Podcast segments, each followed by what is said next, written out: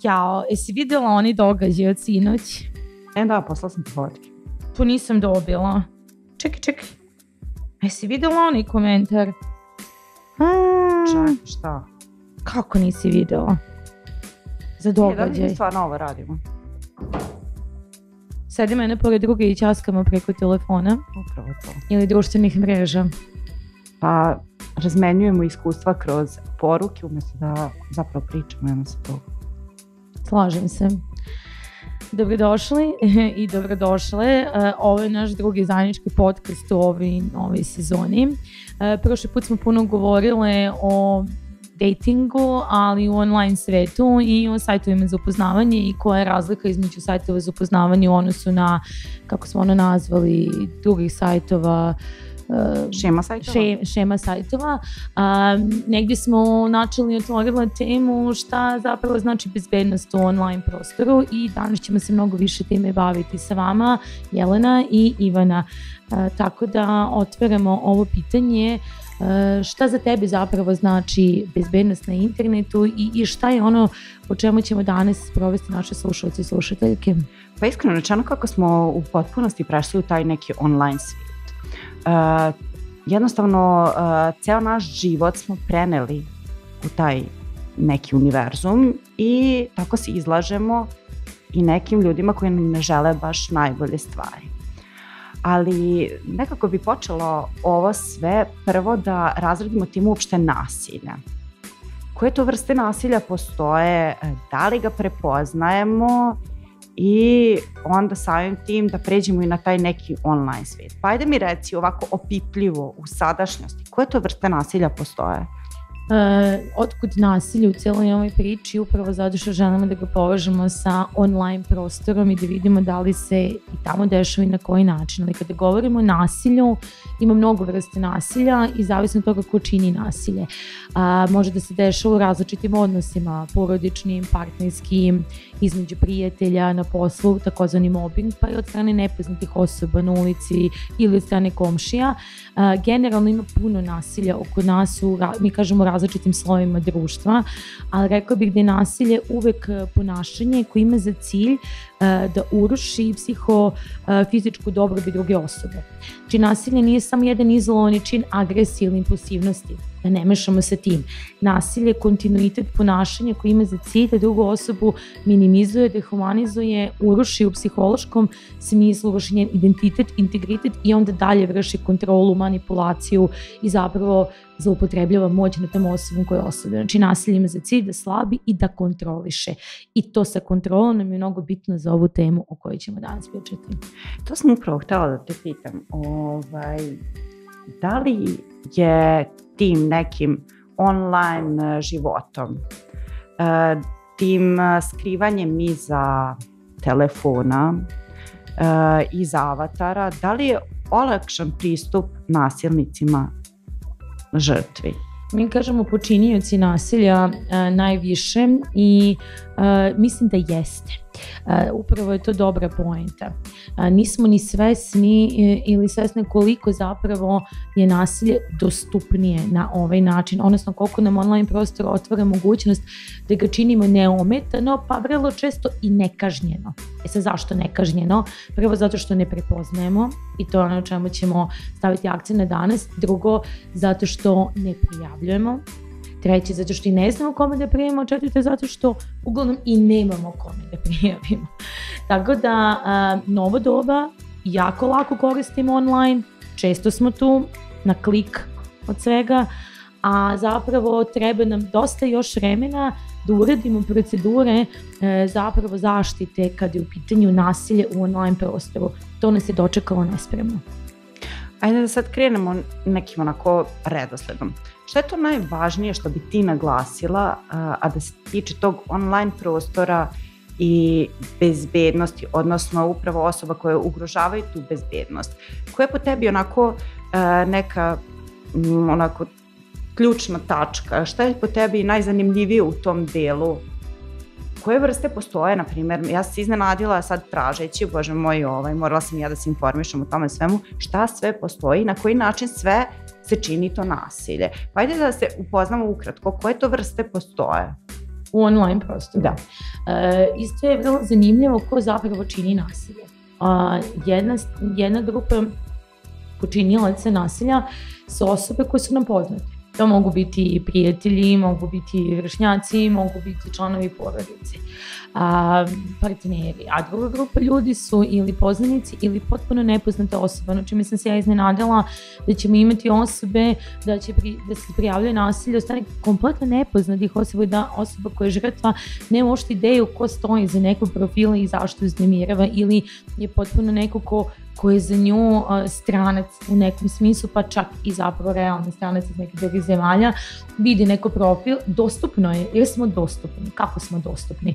Pa ako krenemo od toga šta radimo sa podešavanjem, imamo one opcije podešavanja, pa bezbednost, ali koliko obraćamo pažnju. To, na primjer, evo šta ću reći pre nego što se vratimo na ovo pitanje, kada objavimo post na društvenom mrežama kao na Facebooku, pa stavimo na public, e, da bi neko svi videli taj neki post koji nam je važan. A onda zaboravimo da vratimo podešavanje na ono ko može da vide prijatelj ili selekcionisano. Svi naredni postovi ostaju na public. Ako je nešto public, mnogo je vidljivije, a mnogo smo dostupniji, što si ti rekao, mnogo izloženiji I dakle, samim time kao da pozivamo da nam neko onda piše, a može da nas uznemiraju. To je kad govorimo o nepoznatim osobama. A što se tiče poznatih osoba, to je um, tema koja zahteva da, da ponovo ono, prođemo kroz pitanje, a to je da vrlo često je nastavak nekog nasilja koje je činjeno od ranije. Vi ćete imati danas u savremenom dobu e, da ako je neko preživio ili preživljava nasilje recimo u partnerskim odnosima, da će se ono samo nastaviti ili izmestiti u online prostor. Čak i kad je žrtva ode od počinioca, skloni se, promeni mesto življenja, pogasi kontakte, vrlo često oni nađu način da kontaktiraju.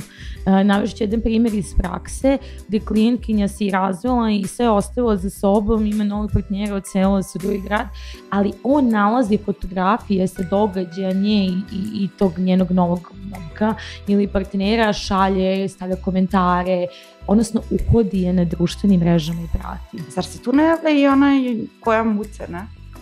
I kada, na primer, izlazimo iz partnerskog odnosa, međutim, ne znam, partner bivši ima neke slike, video kompromitujući i da nas ucenjuje da ostajemo u kontaktu s njim s obzirom da će on u suprotnom objaviti to. Znači, narušit će neki naš identitet na tom, u tom online prostoru i time što će objaviti neki sadržaj koji je ličan.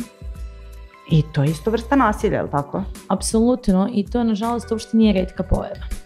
Sve se češće dešava. Ako se vratimo na definiciju nasilja na početku, da je nasilje moći kontrola, najbolje tako zapamtiti, i nameran čin. To su tri ključne kao da kažemo point i ona vezana za definisanje, razumevanje, kada vi nemate više moći kontrolu nad žrtvom u smislu da je otešla, razvila se, skupila snagu, da nekog napusti, izađe iz odnosa, šta radite?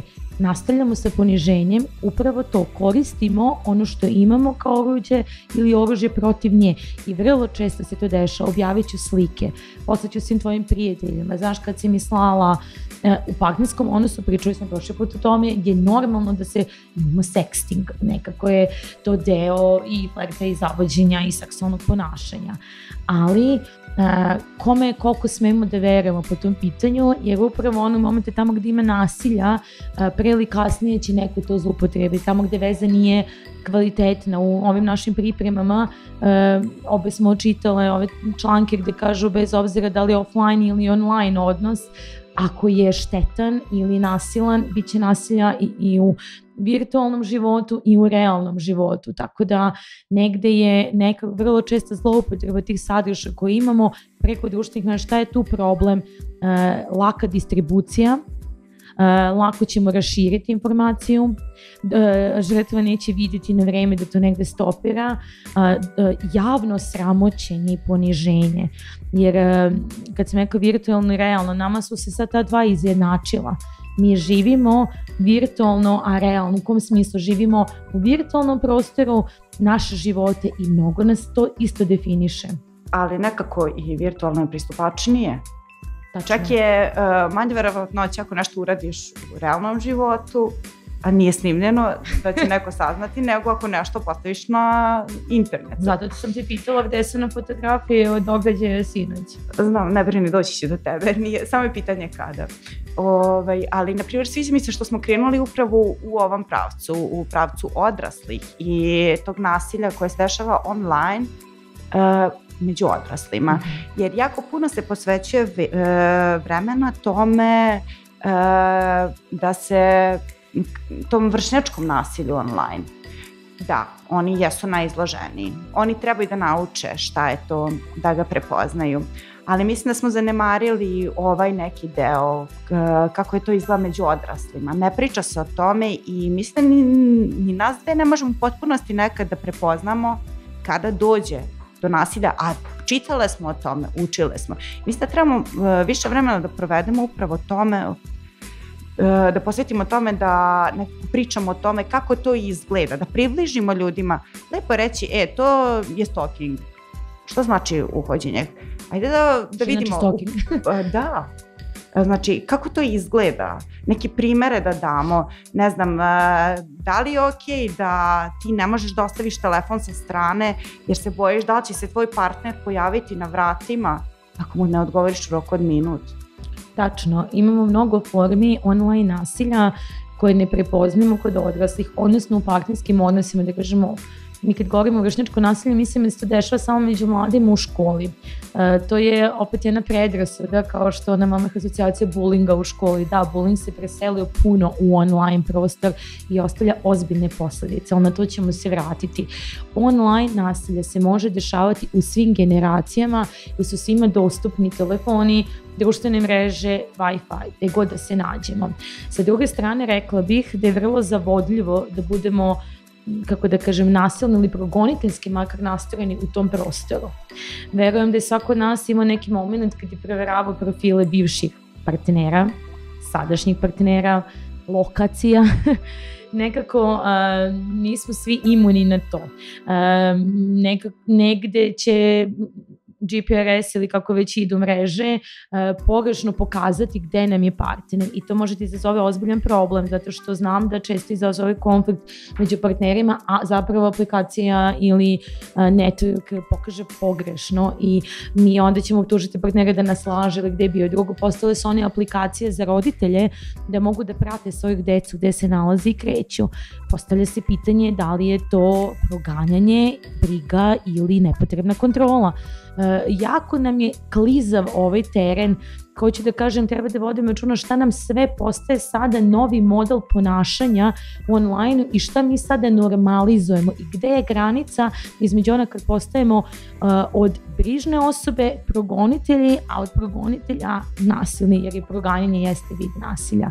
Hoću da kažem da taj stalking je vrlo čest i vrlo često se dešava upravo u online prostoru tako što mi uh, kontrolišemo kome šta osoba piše, uh, proveravamo za svaki komentar, pratimo kome šta lajkuje, kakve slike stavlja, a, gde je bila, a, kad je bila dostupna, kada je, ja, ja se sećam sve klijentke iz privatne prakse a, koje je raskinula sa partnerom zato što je ne znam koji put bio na Viberu, znaš kada ona Viber pokaže, ne znam, da je neko online u tom momentu, a Viber takođe pogrešno pokazuje nekad tu informaciju i nije baš uvek uskođen sa vremenom i nije mogao da mu veruje. Hoću da kažem, jako tu je osetljiv ovaj teren i treba baš da produjemo, baš kao što si rekla s primjera. A šta je sa onim ovaj, deljenjem pasvorda, to jest ako ste u vezi moraš da daš pasvord da uh, tvoj partner može da pristupi tvom profilu, da proveri šta ti radiš, s kim se dopisuješ, kakve slike objavljuješ, da li nešto kriješ od njega? Jesi ti podelila svoj pasvord sa dačkom? Ne, i ne volimo one zajedničke profile, kada ljudi imaju zajednički profil, jer kako bih rekla, ono kao da nemate svoju privatnost u vezi izuzetno važno zadržati onaj intimni deo ja, mi imamo ono javno ja, socijalno, privatno ja, to je ono što delimo sa prijateljima, bliskim osobama, partnerima, imamo intimno ja, to je ono što ostaje za mene, ako ću ja drugarici nekada nešto kažem što ne tebe da vidi, mislim da je to skroz ok i da treba da zadržimo taj prostor. E šta je problem? Online svet kao da nam ne dozvoljava da imamo lični prostor, a opet negde i sami svesno ili nesvesno u tome učestvujemo. Ako sve stavimo na public i sve podelimo, u riziku smo, ozbiljnom riziku, to smo i prošli put pričali o tome. Kada govorimo o nasilju kao nasilju, ako imate kontinuitet takvog proganjanja ponašanja, ovo što sam opisala, i ako se žrtva osjeća uznemireno, gasi mreže, gasi lokaciju gde god da se nađe, uplašena je, izbegava telefon, već možemo da zaključimo kroz ponašanje da tamo nešto nije okej, okay, a to je opet za nju njena realnost. A reci mi jednu stvar, o, gde je nastalo poverenje? To je odlično pitanje. Da li nam se poverenje svodi na broj lajkova, to je tema koju smo, otvorili koleginici ja u prvom serijalu ovog podcasta. E, da li nam se slika o sebi svodi na sliku kroz društvene mreže? E, da li postaje veći, kako da kažem, težinu ima što je u socijalnim ono, medijima i online prostoru e, postaje jače od onog što je realno? Kažem, aplikacija će nam pokazati pogrešno nekada gde smo ili s kim smo, a, gde smo bili. A, ako samo prođemo pored nekog restorana, on će učitati da, da smo tu, a ne moramo da budemo tu. Možemo samo da prođemo. Kako verujemo? Šta ti o tome misliš? Iskreno rečeno, mislim da je poverenje davno nastalo. Da je, znači, dostupnost informacija nas je prebukirala. Prestali smo da slušamo šta nam ljudi kažu, počeli smo da gledamo šta nam telefon pokazuje. Mm -hmm. e, ne znam, imam iskustva mojih drugarica, prijatelja, koji otprilike vidim kako proveravaju profile svojih partnera. Meni to nije prirodno, iskreno rečeno. E, da vidimo kad je bio online, ne zanima me znači mogao da odgovori na bilo koju poruku kome god trebam da poštujem njegovu privatnost. Tako je. I to mi nekako, ne, ne želim da radim nekom nešto što ne bi volio da on meni radi. Ali to je prestalo da bude tako. Proverava, proverava se jednostavno gde se nalazi, šta radi, s kim pije piće. A to je sve pri, e, dostupno na tom internetu. Idući dalje, tu je ono kao obsesija, nije me odgovorio u roku od dva minuta, poslaću mu hiljadu i jednu poruku. I to je bullying. I onda počinjemo da budemo progonitelji i progoniteljke. Upravo to, i to nesvesno radimo. Što najgore, Ali nismo svesni. Ponašanje je da. normalizovano. Da. I onda, onda to uvodimo u običan razgovor sa drugaricom. Molim te, pogodi sada ko, kome on sad piši gde je, na primjer. Ili on. Ili sa prijateljima. Hoću da počinje da nam bude problem tamo gde problema nema. Da, to je jednostavno postalo opšte prihvaćeno. Sada kao, e, ako to ne radiš, zapravo štrčiš. Kao, zar ti nikad nisi ušla ovaj, na njegov profil da proveriš s kim, da li ima novog followera, e, s kim se to dopisuje, zar nisi pokušala da uđeš ono na laptop dok nije tu da proveriš e, poruke s nekim. Stvarno nisi. Budu ljudi začuđeni kad to ne radiš i kada odlučiš da imaš poverenja u osobu s kojom se nalaziš. Nebitno da li je uh, osoba s kojom si u vezi, uh, sestra, brat, jednostavno kad poštoješ privatnost, to si čudan.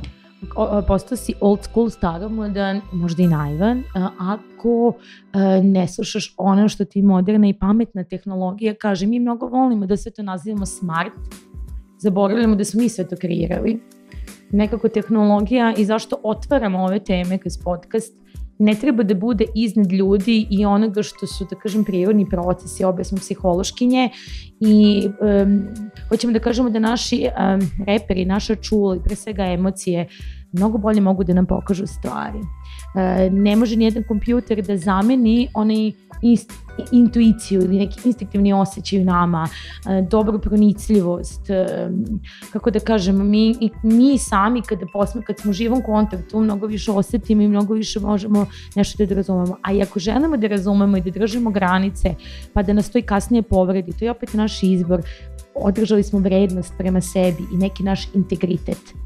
Hoću da kažem, tehnologije nas lako zavode da prelazimo neke granice, ali je pitanje šta je i gde je sve to nasilje. Nasilje je tamo gde mi namerno svesni sa ciljem želimo da uh, povredimo nekog ili da učinimo ga manje bitnim, manje vrednim, da sebe stavimo iznad njega.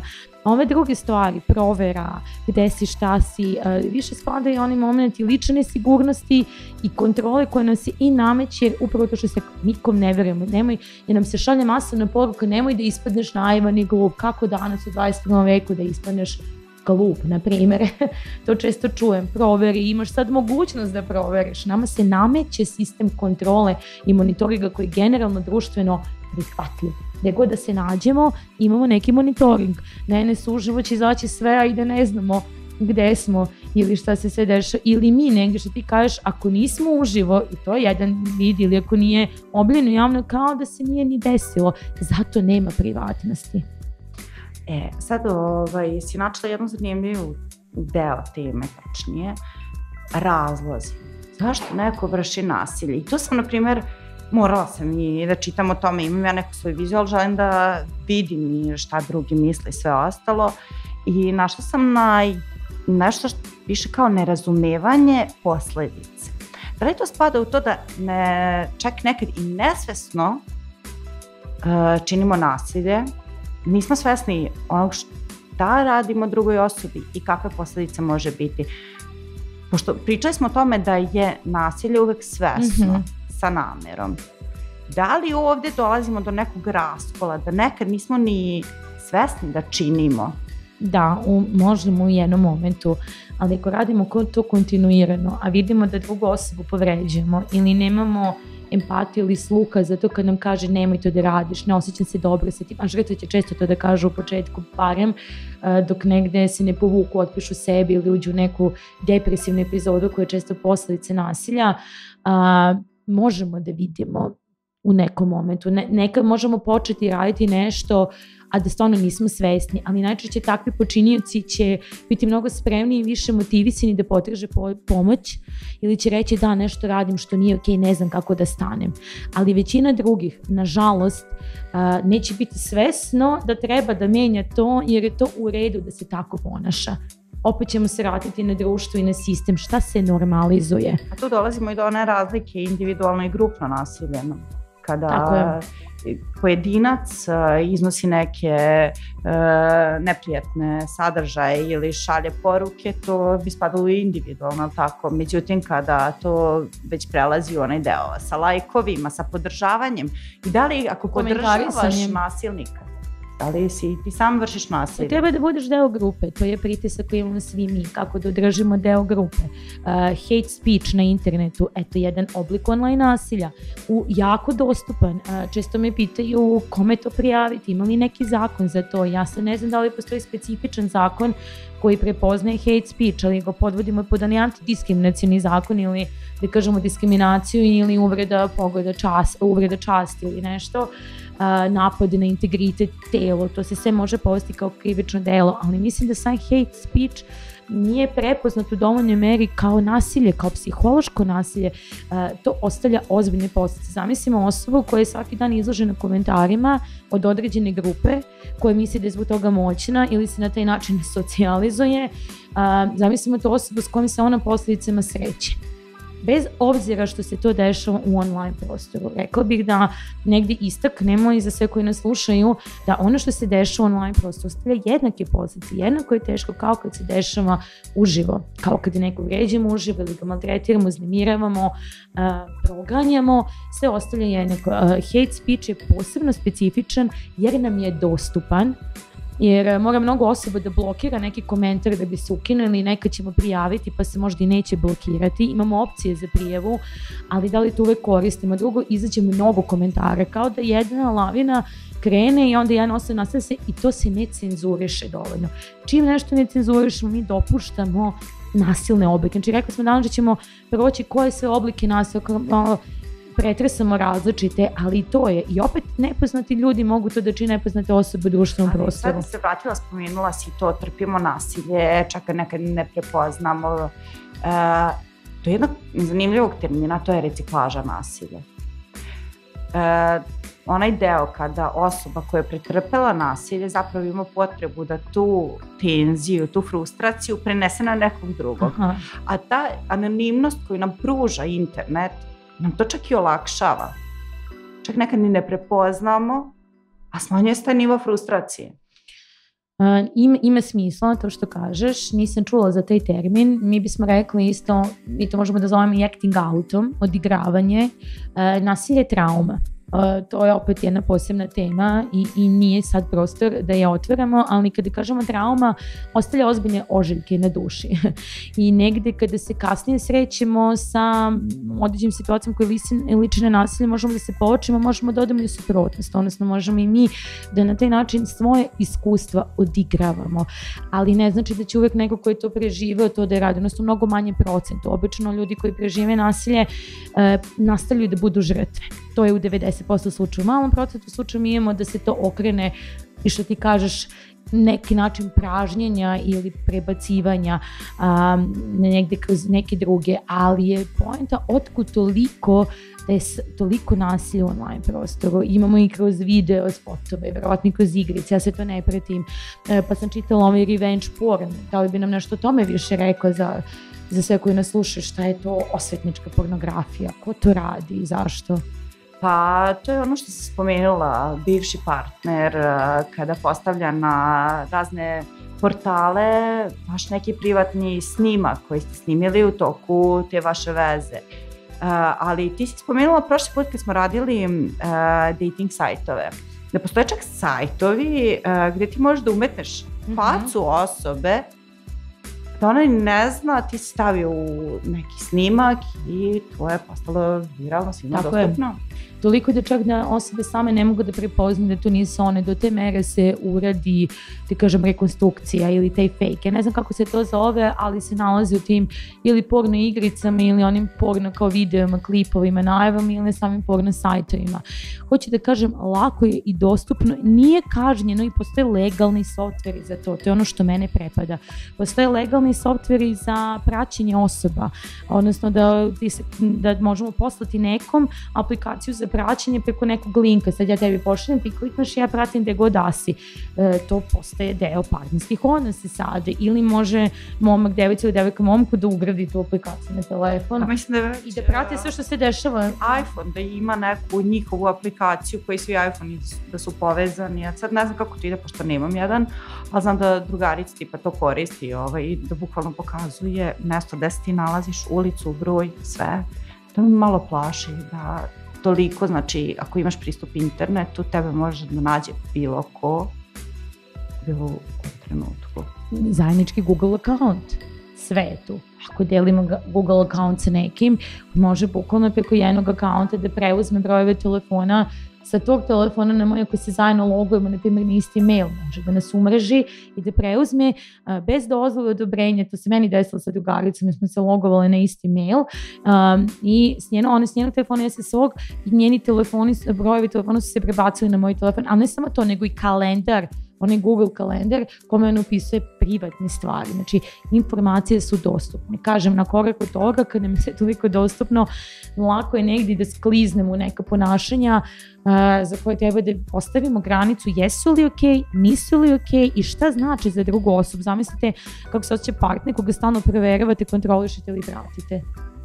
A reci mi, ovaj, te osjećaje anonimnosti, spominjali smo avatar prošli put, sedim iza telefona. E, koliko utiče, da li smo možda i suroviji tako? Da li lakše iznosimo kako i, ne znam, kreiramo neki taj virtualni život, da li isto tako i lakše izbacujemo agresiju, lakše činimo nasilje? Da li sakriveni smo, osjećamo se, mi se osjećamo sigurno i sada možemo da radimo šta hoćemo. Pa definitivno, naočite što nema kazne. Možete napraviti jedan profil pa vam blokiraju, pa vam ukinu, pa napraviti drugi sa druge IP adrese, pa i tako u nedogled. Ima mnogo mizoginije, ima mnogo tih raznih govora, mržnje na, na internetu, mizoginije, ono, ono protiv žena, onda ima čitavi grupa koji objedinjuju ljude koji zajedno šire mržnju, pa i nasilje prema nekom, mislim, to je na korak od toga. Tako da, ne znam da li si pratila različite grupe, ali e, zaista ima ti grupa gde mi, e, ne znam, se objedinimo, udružimo da idemo, pa, pa ono za migrante što je bilo, da. Koliko nas je dobilo uh, bez ikakve najave i dozvole poziv da se učlani u grupu uh, izbacimo migranti iz Srbije ili podignemo se protiv migranata. I mnogo ljudi se učlanilo u to ja sam prijavila to zato što nije u redu da me neko poziva u takvu grupu, ali hoću da kažem, jako je lako udružiti su nasilju u mrežnji. Pa da, mislim, to sam baš htjela da kažem i koliko je okay kreirati uopšte takve grupe i da li bi ih trebalo možda na neki način i reportovati. Kažem, I to je jeste govor mržnje. Ti, mi, ti prijaviš, blokira se, napravi se ponovo. I tako u krug, jer nam je dostupno. A, I sad je pitanje kako se štititi od toga, šta raditi, na koji način zapravo ono što smo pitale prepoznati, da li prema nekim posledicama, da li prema nekim ponašanjima, e, kome prijaviti e, i na koji način dalje zapravo tražiti neku podršku.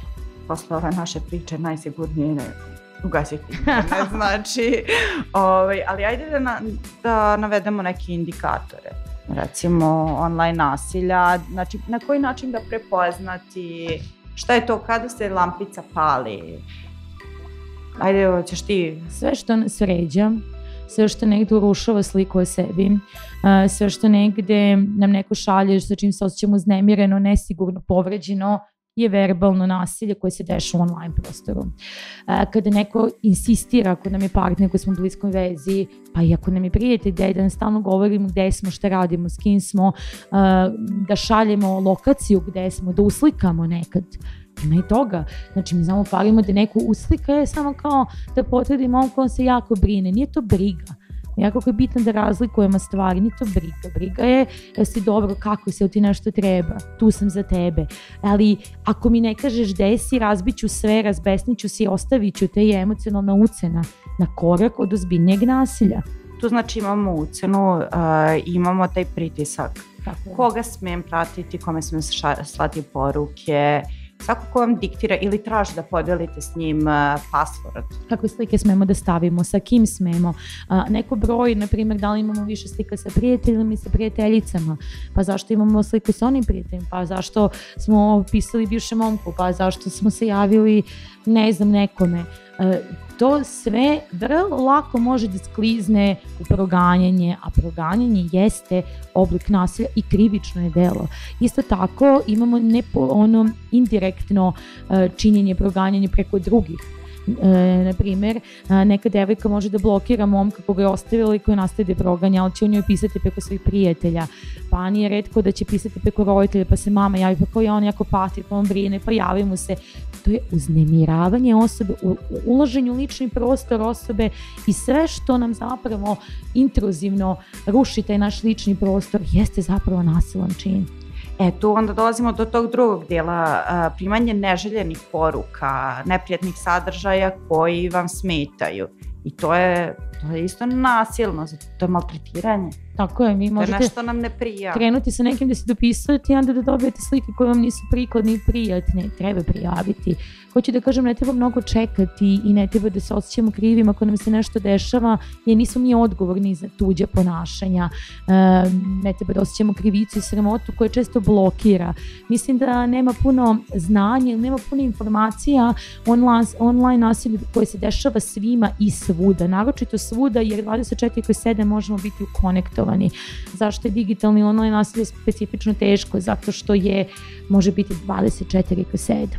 A, I negde je važno da e, da kažemo ovo više nije nešto želim da trpim, hajde da vidim šta mogu sa tim. Ja bih tu naglasila, tima što ste objavili nešto na internetu, neku fotografiju ili nešto, ukoliko vam nešto ne prija, ne znači da ste tražili tom fotografijom i uvek možete da kažete ne, to mi ne prija i naravno ono što uvek naglašavam, blok report ako ne prestaje. Ovaj, ali tu dolazimo do onog e, zanimljivog dela. Gde potražiti pomoć? Mm -hmm. Na koji način? Zašto se stidimo toga da potražimo pomoć? E, to je pitanje koje bih ja malo da vi nama dati neke odgovore ili da pišete vaše iskustva da bi mi mogo da vam odgovorimo. E, negde isto udruženja koje se bave podrškom u situacijama nasilja, policija, e, mogu biti prijatelji koji mogu biti dobra podrška pa sajno sa njima negde prijaviti. Problem je u tome e, što ni mi još uvek nismo dovoljno razvili sistem u tom pravcu da imamo specifične, da kažem, ili kazne i, ili e, institucije koje se samo time bavimo, odeljenje za visokotehnološki kriminal u Beogradu i ono je otprilike otprilike jedino koje zapravo se specifično bavi digitalnim nasiljem, a njega je sve više. Ne mora da se dešava među samo partnerima, na primjer, a mi da zamislimo situaciju da imamo komšiju koji iz nekog razloga želi da nam se sveti, a zajedno smo na Facebooku, može slati svim prijateljima kako smo mi loši, stavljati naše slike, može pisati šefom, često se dešava da neko želi da nam se osveti ili uruši naš ugled, integritet da piše pretpostavljenima ljudima koji su na važni, da piše preko mailova, da, da kažem prosto ili pravi lažne profile. To su i nepoznati ljudi. Tako je, ima i koji, toga. koji se zalepi jednostavno, koji progone, koji dolaze do vas uh, zato što je dostupno. Iako vi ne želite, on zna već sve o vama. I to malo zvuči jezivo. Da, ali to je realno.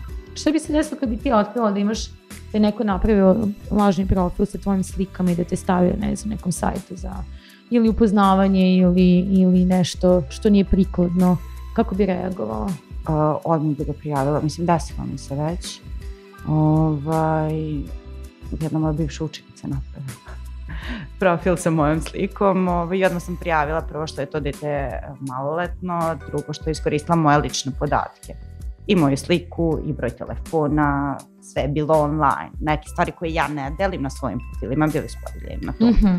I odmah sam odreagovala, prijavila sam i uklonili su profil, ali na primjer evo desilo se u mojoj okolini da je osoba napravila lažni profil uh, sa slikom mog brata i sve njegove podatke iskoristili, on je prijavio i oni su ukinuli pogrešan profil na Instagramu. su lažni profil na Instagramu. Instagram, dakle, Tako da je to da. ima ovaj, i to da se može desiti ali definitivno treba odreagovati i ukoliko dođe, na primjer, to je meni jako ozbiljna tema, krađa identiteta. Mm -hmm. uh, progonjenje, to sve treba prijaviti i to policiji. Dakle, da nekako zaokružimo ovu temu koja je velika. Mi smo se svi prebacili više ili manje online prostoru. Socijalni mediji, društvene mreže, profili na različitim društvenim mrežama postali su naša realnost. Od broja lajkova vrlo često zavisi kako sebe vidimo, pozicioniramo, kako radimo sliku o sebi. Da li je to dobro ili loše, to je diskutabilno i vrednostno je pitanje, ali postaje realnost. Nekako živimo u tome. Ali u toj novoj virtualnoj realnosti, prvo ne treba da zaboravimo na ovu svakodnevnu i ovaj direktan kontakt, face to face, a ne daj mi slike. A druga stvar, u bilo kojoj realnosti da se nađemo virtualno i online, neophodno je da se osjećamo sigurno i bezbedno. Svaki prostor je slobodan prostor onog momenta kad smo njemu sigurni. Ako nismo, jako je važno da prepoznamo, da znamo da se zaštitimo i da koristimo što više opcije da se zaštitimo. Postoje različite društvene mreže nude ono dvostruko provera bezbednosti identiteta, staviti broj telefona prijatelja a u slučaju da se izgubi naš broj telefona ili da ne možemo da pristupimo profilu preko maila. Ja uvek preporučujem te neke duple sisteme zaštite sa više kodova, um, onda uvek da se log out sa svih nepoznatih računara ako pristupimo ili telefona sa ovoj mreži, uh, da vodimo računa koji Wi-Fi koristimo, gde se nalazimo, da se izlogujemo sa njega. Uh, jako je važno, imamo tu opciju, a mislim da smo nekad malo i lenji za to, da se očekiramo sa svih onih drugih devices gde smo bili, a koji nisu oni nama koje redovno koristimo. Nekad je bila preporuka da se nose onaj USB internet koji je naš i koji je kao siguran ako idemo u javnom prostoru, ali to je malo teško. Mač, onako, ovaj, malo ćemo postati paranoični, pa ćemo se bojati svega, ali uh, htela sam da naglasim, osim toga da se uh, zaštitimo i da odreagujemo, prvo moramo naučiti da prepoznamo. Tačno. I uh, bitno je da prepoznamo, zato što ako ne prepoznamo ne možemo da odreagujemo. Tako je. A žmurenje na to dovodi do određenih posledica.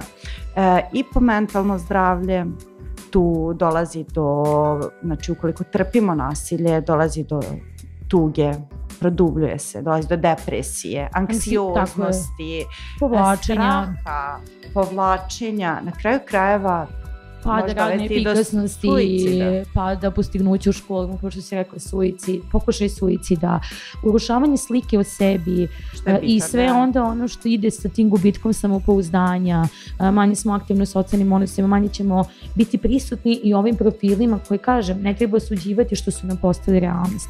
Ali... Treba odreagovati iz još jednog razloga. Ako trpimo nasilje online, ko tvrdi da neće postati i realno? I vrlo često je pre toga bilo u fizičkom prostoru pa se prebacilo online ili ide paralelno. Da, to kažem, znači može biti da se predešavalo fizičko do prešlo u online. Ko tvrdi da neće postati opet fizičko? I da neće postati ozbiljnije? I zato treba odreagovati, treba pričati o tome, ne treba se stideti, niste sami tražili, niko ne traži sam nasilje i ne treba živeti u strahu, jer mi svakako ako znamo da smo uhođeni, praćeni i da može neko dan trekking on 24-7, zaista nam nije sve jedno kad izađemo iz sobstvene uh, doma ili kad se vraćamo u njega, naročito ako živimo sami, ali upravo uh, taj strah uh, ne treba da nas parališe, da se ne obratimo za neku podršku, tako da tu smo za vas, pišite, nadamo smo da ova tema bila važna i korisna, sledeći put zapravo s nekim malo vedrim tremama. Ovaj put smo baš da, ali, da, ali sledeći put razbijemo mrak, ali nećemo da otkrivamo o čemu ćemo pričati, tako da pratite nas, pišite, jer svaki vaš komentar nama znači da mi unapredimo ovo što radimo, jer mi smo tu zapravo za vas. Čuvajte se, ali ne živite u strahu. Pozdrav!